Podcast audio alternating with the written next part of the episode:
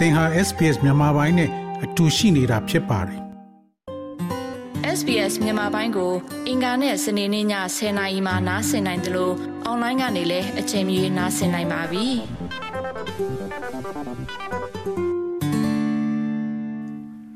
တော်ရရှိမြခင်ဗျာ။ဩစတြေးလျနိုင်ငံရဲ့အမွေဆက်ခံခြင်းဆိုင်ရာဥပဒေများကိုဒီကုတ်လုပ်ခြင်းသင်ရဲ့အခွင့်အရေးနဲ့တာဝန်များဆိုတဲ့စောင်းပါးကိုတင်ဆက်ပေးမှာဖြစ်ပါတယ်။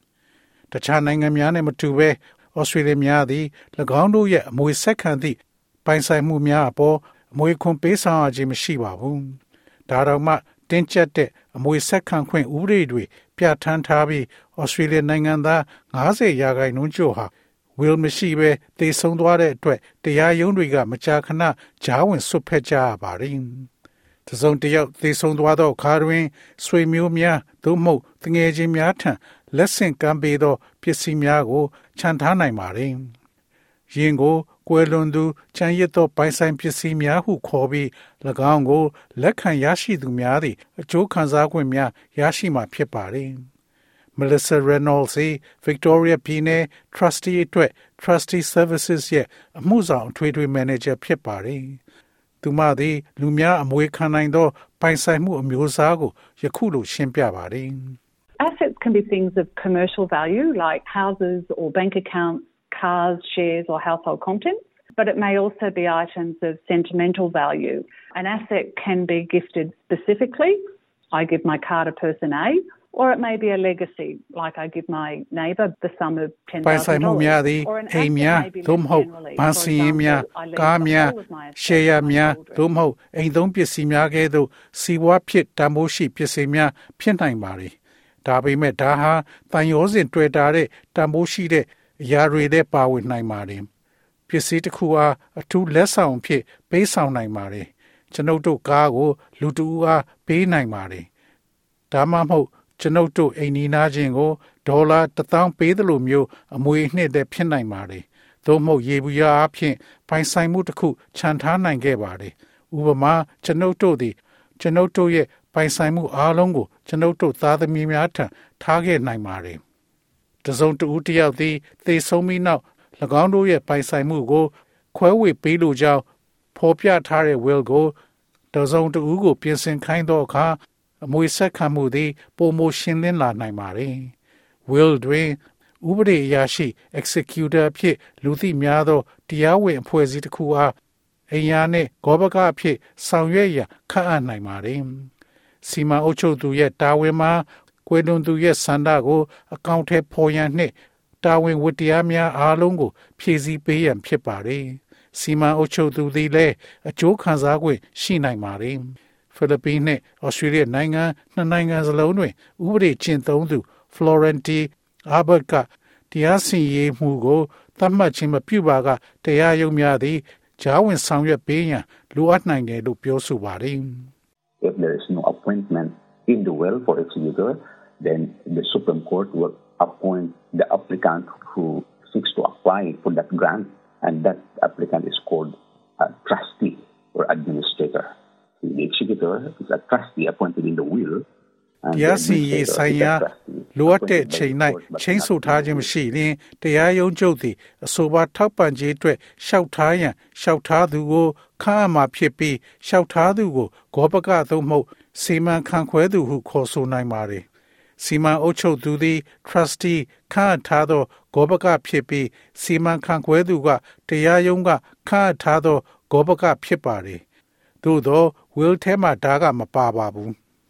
သင်သည်စီမံအုပ်ချုပ်သူအဖြစ်ခန့်ခံရတော်လဲတာဝန်များကိုမစီမံခန့်ခွဲနိုင်ဟုခံစားရပါကသင်ကိုယ်စားဆောင်ရွက်ရန်အတွက်သင်ရဲ့ပြည်내ဂောဘကကိုခွင့်ပြုနိုင်ပါတယ်ဤဆိုအ agency သည်ပြည်သူများအား end of life သက်ကိုအဆုံးသတ်ရေးကိစ္စများကိုကူညီဆောင်ရွက်ပေးပါတယ်။စီမံအုပ်ချုပ်သူတူသည်အကျိုးခံစား권ရှိသူများနဲ့ဆက်သွယ်ပြီး probate တည်ရန်စာစစ်ဆေးမှုအတွက်လျှောက်ထားရမှာဖြစ်ပါတယ်။ Melissa Reynolds ကယခုလိုရှင်းပြပါတယ်။ Probate is a court order and it proves that the will is valid and it permits the executor to probate တရားရုံးအမိန့်တစ်ခုဖြစ်ပါတယ်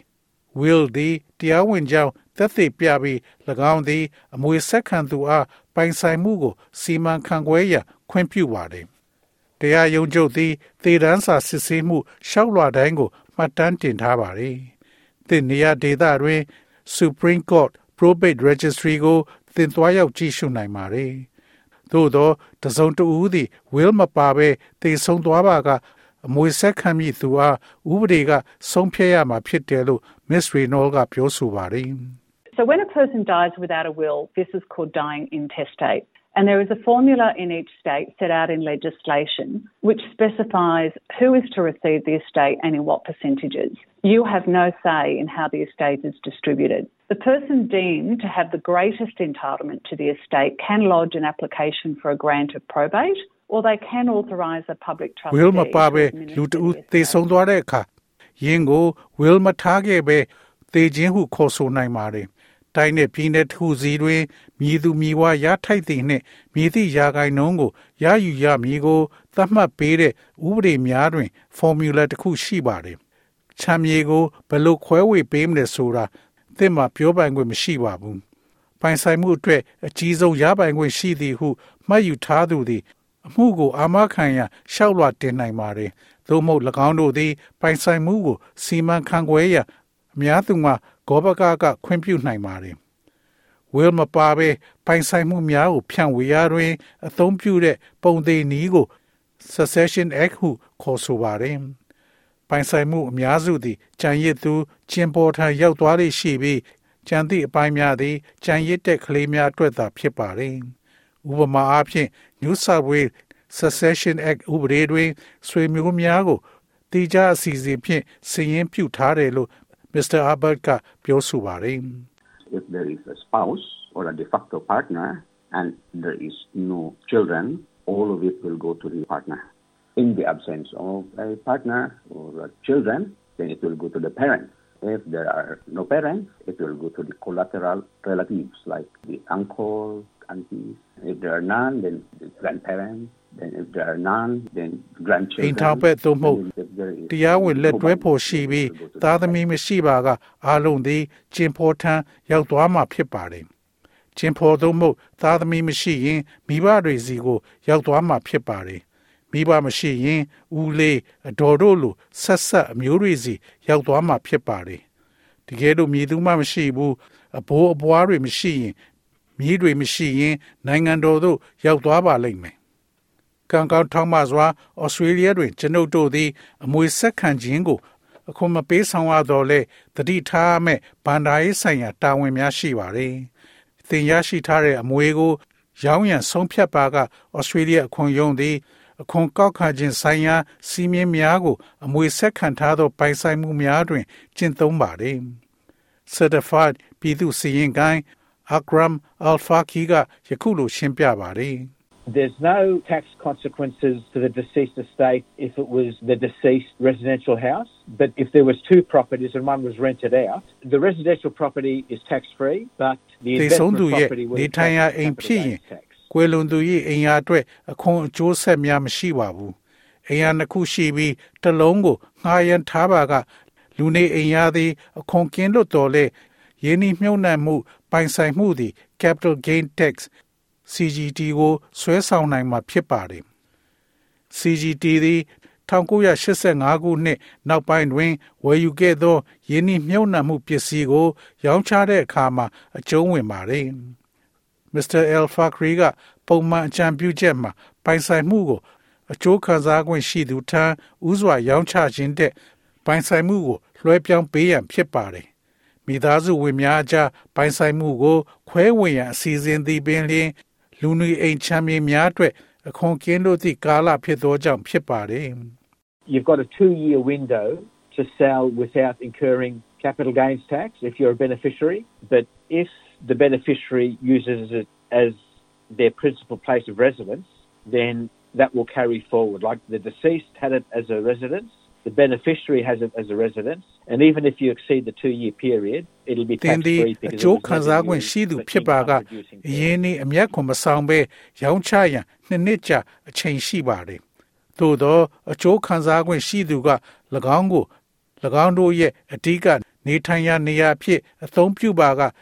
ဒါကိုဆက်လက်ဆောင်ရွက်သွားနိုင်မှာဖြစ်ပါတယ်။ကွယ်လွန်သူသည်သူ့ရဲ့နေအိမ်ဖြစ်ထားရှိတဲ့ကဲ့သို့အကျိုးခံစား권ရှိသူက၎င်းကို နေအိမ်ဖြစ်ထားရှိနိုင်ပါတယ်။နှစ်နှစ်တာကာလကိုကြိုလွန်သွားရင်တောင်မှ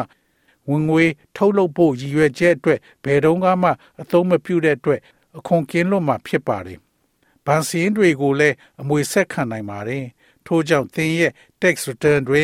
မြည်သည့်ဘအတိုးကိုမစိုးကြေညာဖို့အတွက်ကအရေးကြီးပါတယ်။အိမ်ချမ်းမြေတွင် အစုရှယ်ယာများပါဝင်ပြီး၎င်းတို့ကိုငွေသားအဖြစ်ပြောင်းလဲပြီး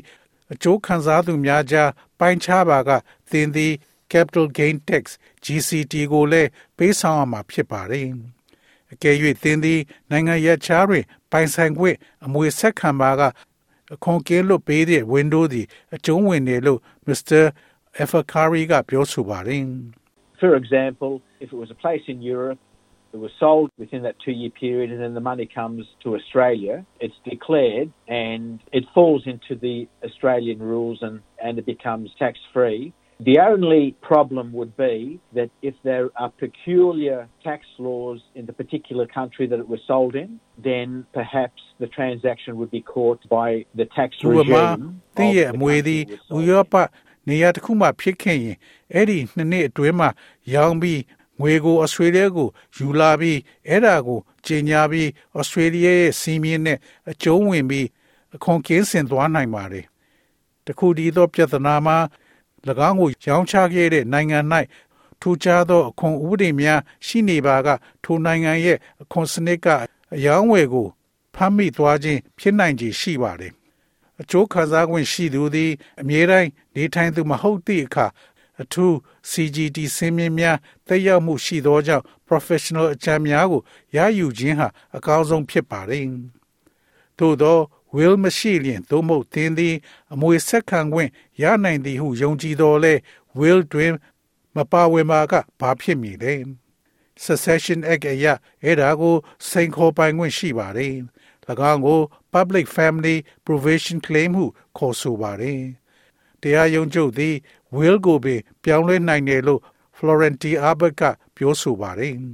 You just have to make a justified claim. You cannot be entitled just because you're a former wife or a son or a daughter. You need to establish the financial connection and how you are being deprived because this is died and there is no adequate provisions being provided to you under the will. So there is no hard and fast rule but uh, the Supreme Court တရားများတာတဲ့တောင်းဆိုချက်တစ်ခုလုပ်ရမှာပါ။တင်သည်ရခင်ကမယားဟောင်းသို့မဟုတ်သားသို့မဟုတ်သမီးကြောင့်ခံစား권မရပါဘူး။ကွယ်လွန်သူသေဆုံးသွားပြီး will out တွင်သင်အားလုံလောက်သောပံ့ပိုးပေးမှုမရှိသောကြောင့်သင်တွင်ငွေကြေးဆိုင်ရာဆက်သွယ်မှုနှင့်သင်ဆုံးရှုံးနေပုံတို့ကိုဖော်ထုတ်ရန်လိုအပ်ပါသည်။ ထို့ကြောင့်ခက်ခဲပြီးလျင်မြန်သောစီးမြင်မရှိတော့လဲသင်တောင်းဆိုခြင်းနှင့်ပတ်သက်တဲ့အခြေအနေကိုတရားရုံးချုပ်ကထည့်သွင်းစဉ်းစားမှာဖြစ်ပါတယ်။အမွေဆက်ခံခြင်းသည် ရှုပ်ထွေးနိုင်တော်လဲအကူအညီများအမြဲတမ်းလိုရရှိနိုင်ပါတယ် Victoria Law Institute နဲ့ New South Wales Law Society ကဲ့သို့သောအဖွဲ့အစည်းများသည်သင်ဘာသာစကားများကို ပြောဆိုနိုင်သည့်သို့မဟုတ် ကွယ်လွန်သူရဲ့ကြံရည်သောပိုင်ဆိုင်ပစ္စည်းများတွင်ဥပဒေကိုလေ့ကျင့်နေသောသင်ဒေသရှိရှေ့နေများရဲ့စည်ရင်းကို ပေးနိုင်ပါတယ်။ Melissa Reynolds ကပြည်내နဲ့နေမြေတစ်ခုစီတွင်ပြည်내 ထရစတီများလည်းရှိတယ်လို့ဆိုပါတယ် The public trustee or a solicitor who specialises in deceased estates will be able to provide assistance. You can access free guides on things like making a will and acting as an executor on the state trustee. The public website. trustee သို့မဟုတ်ကွယ်လွန်သူအိမ်ယာများတွင်အထူးပြုသောရှေ့နေများသည်တင့်ကိုအကူအညီပေးနိုင်ပါတယ်။ will တစ်ခုပြုလုပ်ခြင်းနှင့်နိုင်ငံတော် trustee website တွင်စီမံအုပ်ချုပ်သူအဖြစ်လှုပ်ဆောင်ခြင်းကဲ့သို့သောအရာများအတွက်အခမဲ့လမ်းညွှန်ချက်များကိုသင်ဝင်ရောက်ကြည့်ရှုနိုင်ပါတယ်။သောရရှိမြခင် SBS သတင်းဌာနက Melissa Companoni ရဲ့ဆောင်းပါးကိုဘာသာပြန်တင်ဆက်ပေးထားတာဖြစ်ပါတယ်ခင်ဗျာ။ sbs.com.au/bemis ကို home နေရာမှာထားပြီးတော့အမြဲတမ်းနှာစင်နိုင်ပါတယ်။နောက်ဆုံးရသတင်းတွေ၊စောင်းမားတွေနဲ့စစ်တမ်းတွေမှာပါဝင်ပြီးတော့ဆက်သွယ်မှုလုပ်နိုင်ပါတယ်။ sbs.com.au/ Burmese ဖြစ်ပါတယ်ရှင်။